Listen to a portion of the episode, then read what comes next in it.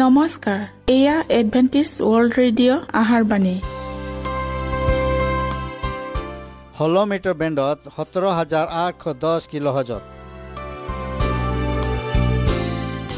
Adventist world radio যোগে অসমীয়া ভাষাত প্ৰচাৰিত আহাৰ বাণী প্ৰত্যেক বুধবাৰ আৰু দেওবাৰ সন্ধিয়া সাত বজাত আহাৰ বাণী শুনাৰ পিছত আপোনালোকৰ কিবা মন্তব্য আৰু প্ৰশ্ন থাকিলে আমালৈ এই ঠিকনাত লিখক। আমাৰ ঠিকনাটি হৈছে Adventist world radio' seven day Adventist মণ্ডলী অসম শাখা লতাকাটা বশিষ্ঠ গুৱাহাটী সাত আঠ এক শূন্য দুই ন।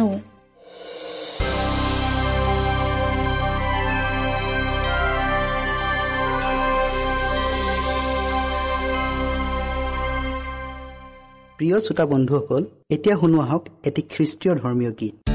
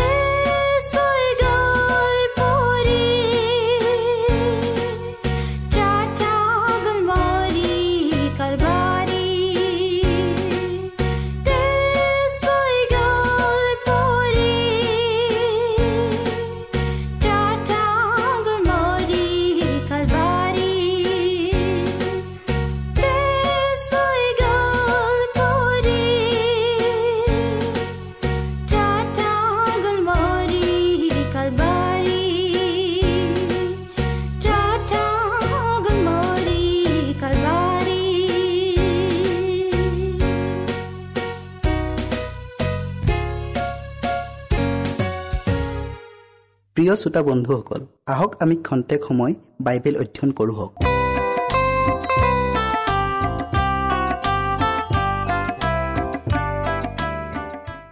এই হত্যাৰ পাহাৰতেই যুদ্ধ কৰিবৰ কাৰণে পৃথিৱীৰ ৰজাসকলক গোটোৱা হ'ল। এতিয়া এই ৰজাবিলাকে গোট খাই কাৰ বিৰুদ্ধে যুদ্ধ কৰিব? ইয়াৰ উত্তৰ এইদৰে পোৱা যায়।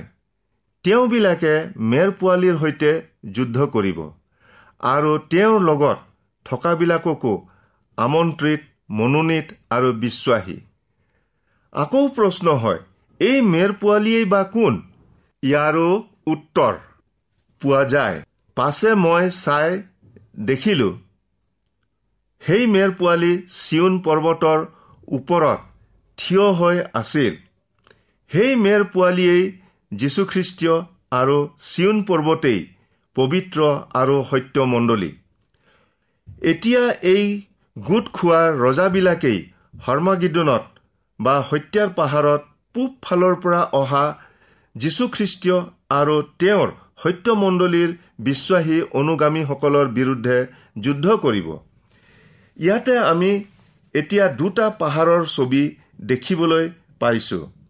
এই দুটা পাহাৰেই অৰ্থাৎ চিউন পাহাৰ আৰু হাৰ্মাগিদুন পাহাৰেই যুদ্ধৰ কাৰণে গোট খোৱা দুটা দলক বুজায়।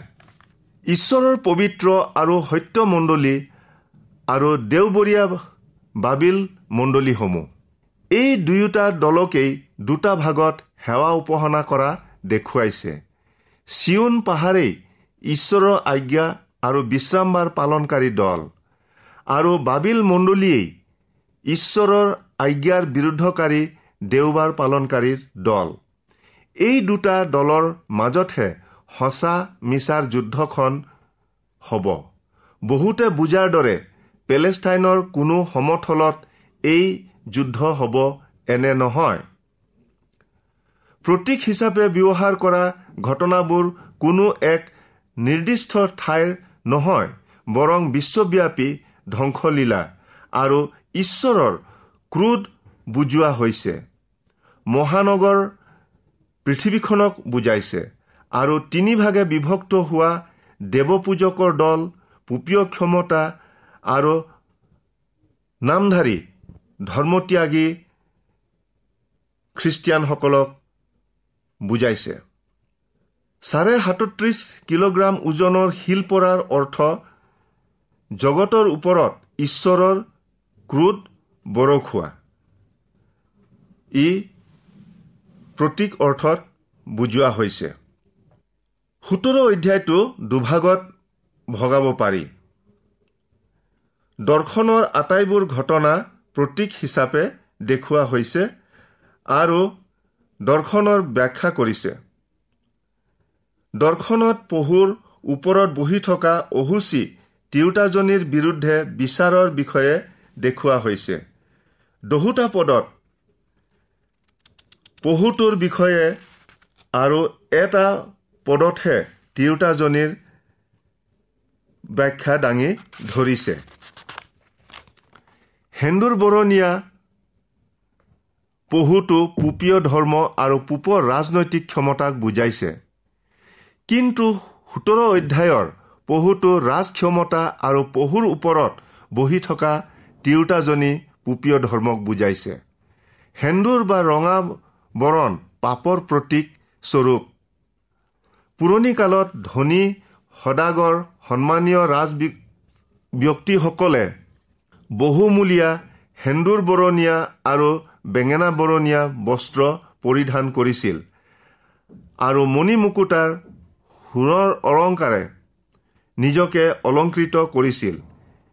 ইয়াত প্ৰতীক হিচাপে ৰুমিয়া মণ্ডলীৰ ঐশ্বৰ্যশালী প্ৰভাৱশালী গুণবোৰক দেখুওৱা হৈছে। সূত্ৰ অধ্যায় আলোচনা কৰিলে আমি বাৰ অধ্যায়লৈ উভতি যাব লাগিব। বাৰ অধ্যায়ত চন্দ্ৰৰ ওপৰত থিয় হৈ থকা সতী তিৰোতাজনী বা মাতৃয়ে এয়া খ্ৰীষ্টীয়ৰ সূচী আৰু পবিত্ৰ মণ্ডলী শাস্ত্ৰৰ বাক্যৰ ওপৰত প্ৰতিষ্ঠিত। সূত্ৰ অধ্যায়ত সেন্দুৰ বৰণীয়া পহুৰ ওপৰত বহি থকা জনী অহতি বা বেচা স্বভাৱৰ তিৰোতা বা মাতৃ। মহাবাবিল পৃথিৱীৰ বেচাবিলাকৰ অৰ্থাৎ নামধাৰী খ্ৰীষ্টীয় মণ্ডলীসমূহ বা দল আৰু ঘীনলগীয়া অৰ্থাৎ অশাস্ত্ৰীয় শিক্ষা বস্তুৰ মাতৃ। ইয়াৰ দ্বাৰাই আমি জানিব লাগিব যে পুৰণি নিয়মৰ যি বাবিলে অহাৰ দেৱ দেৱীৰ উপাসনা কৰি জগতখনকে বিপদগামী কৰিছিল। ঠিক তেনেকৈ বৰ্তমানৰ পুপীয় মণ্ডলীয়েও জগতখনক ঈশ্বৰৰ বাক্যত বিকৃত ব্যাখ্যাৰে বুজনি দি বিপদগামী কৰিছে। আনহাতে ইছৰাইলবিলাকেই ঈশ্বৰৰ পবিত্ৰ মণ্ডলীত আছিল। নতুন নিয়মত খ্ৰীষ্টীয় মণ্ডলীয়েই আত্মিক ইছৰাইল। ঈশ্বৰে পৌলৰ যোগেদি কোৱাইছে যে আৰু তোমালোকে যদি খ্ৰীষ্টীয়ৰ হোৱা তেন্তে তোমালোক আব্ৰাহামৰ বংশ আৰু প্ৰতিজ্ঞাৰ দৰে উত্তৰাধিকাৰী। এতেকে বাৰ অধ্যায়ৰ সতী মাতৃগৰাকী আত্মিক ইছৰাইলক বুজাইছে অৰ্থাৎ খ্ৰীষ্টীয়ৰ অনুগামীসকলেই আত্মিক ইছৰাইল। পুনৰাই ঈশ্বৰে কৈছে কিয়নো বাহিৰে যি যিহুদী তেওঁ যিহুদী নহয় কিন্তু যিজন ভিতৰে যিহুদী তেওঁহে যিহুদী হয়। বাবিল মূৰ্তি পূজা ওপৰ পুৰুষসকলৰ সেৱা ভক্তি সূৰ্য পূজা ইত্যাদিৰ কেন্দ্ৰস্থল আছিল।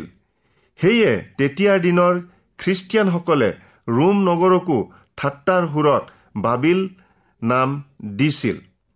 ইয়াক বুজিবলৈ জ্ঞান থকা মন লাগে। সেই সাতোটা মূৰেই সাতোটা পৰ্বত সেইবোৰৰ ওপৰত সেই তিৰোতা বহি আছে আৰু সেইবোৰৰ সাতজন ৰজাও। এতিয়া বিশ্বৰ ভিতৰত একেলগে সাতোটা বা সাতখন পৰ্বত থকা একমাত্ৰ দেশ হ'ল ৰোম। পতীত হোৱা পাঁচজন ৰজা হ'ল মিছৰ অচুৰীয়া বাবিল পাৰস্য আৰু গ্ৰীচ। ৰোম ৰাজ্য জোহনৰ দিনত তেতিয়াও শাসন কৰি আছিল কাৰণে এজন বৰ্তমান আছে বুলি কৈছিল। ইয়াৰ পাছত পুপীয় ক্ষমতা আৰু আন এক নতুন ৰূপত পুপীয় ক্ষমতা বিস্তাৰ হ'ব। কিন্তু তাৰো পতন হ'ব। বুৰঞ্জীবিদ ষ্টেনলিয়ে কৈছে প্ৰথম শতিকাবোৰতেই দেৱ পূজা ধৰ্ম আৰু খ্ৰীষ্টীয় ধৰ্মৰ বুজা পৰাৰ ফলস্বৰূপে ঈশ্বৰৰ পবিত্ৰ মণ্ডলীত অনেক অশাস্ত্ৰীয় বিধি বিধানবোৰে স্থান পালে। সেইবোৰৰ ভিতৰত প্ৰথম আৰু প্ৰধান অশাস্ত্ৰীয় বিধি ঈশ্বৰৰ সপ্তমদিনীয়া পবিত্ৰ বিশ্ৰামবাৰৰ সলনি দেওবাৰ দিন পালন। খ্ৰীষ্টীয়ৰ পবিত্ৰ মণ্ডলীৰ সৈতে দেৱপূজকৰ বৈবাহিক সম্বন্ধ স্থাপন। তেওঁ আৰু কৈছে কণ্টেষ্টাইনে তেওঁৰ শাসনকালত প্ৰচলন কৰা মুদ্ৰাবোৰৰ এপিঠিত খ্ৰীষ্টীয়ৰ নাম বা চাব আৰু আনটো পিঠিত সূৰ্য দেৱতাৰ চাব আছিল। এনেবোৰ কাৰ্যক খ্ৰীষ্টীয়ৰ পবিত্ৰ মণ্ডলী আৰু দেৱপূজা ধৰ্মৰ বৈবাহিক মিলন নুবুলি আৰু কি বুলিব পাৰি? প্ৰকৃতাৰ্থত কণ্টেষ্টাইন এজন প্ৰকৃত খ্ৰীষ্টিয়ান নাছিল।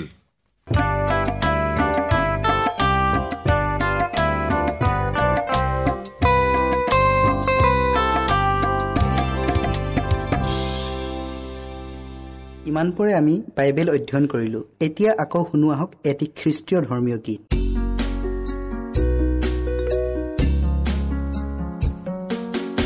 আছিল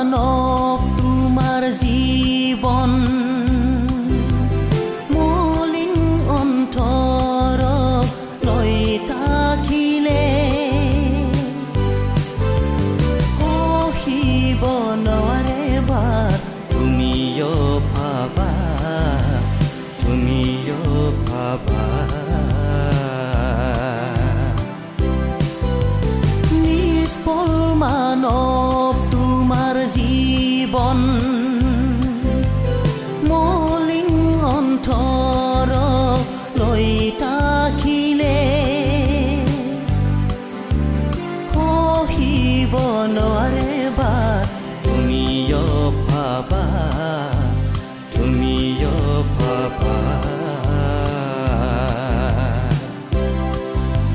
হে Manish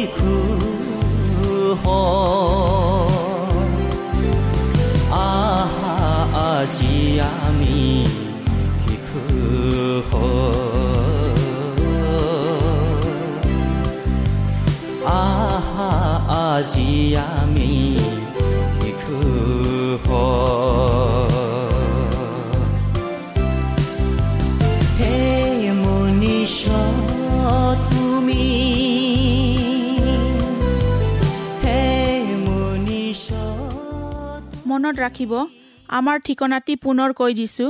Adventist world radio' Assam region of seven day Adventist voice of hope Latakata Basistha Guwahati seven eight one zero' two nine প্ৰিয় শ্ৰোতা বন্ধুসকল এডভেণ্টিজ ৱৰ্ল্ড ৰেডিঅ' যোগে আহাৰবাণী প্ৰচাৰত আপোনালোকক পুনৰ লগ পোৱাৰ আহাৰে আজিলৈ সামৰিলোঁ। ধন্যবাদ।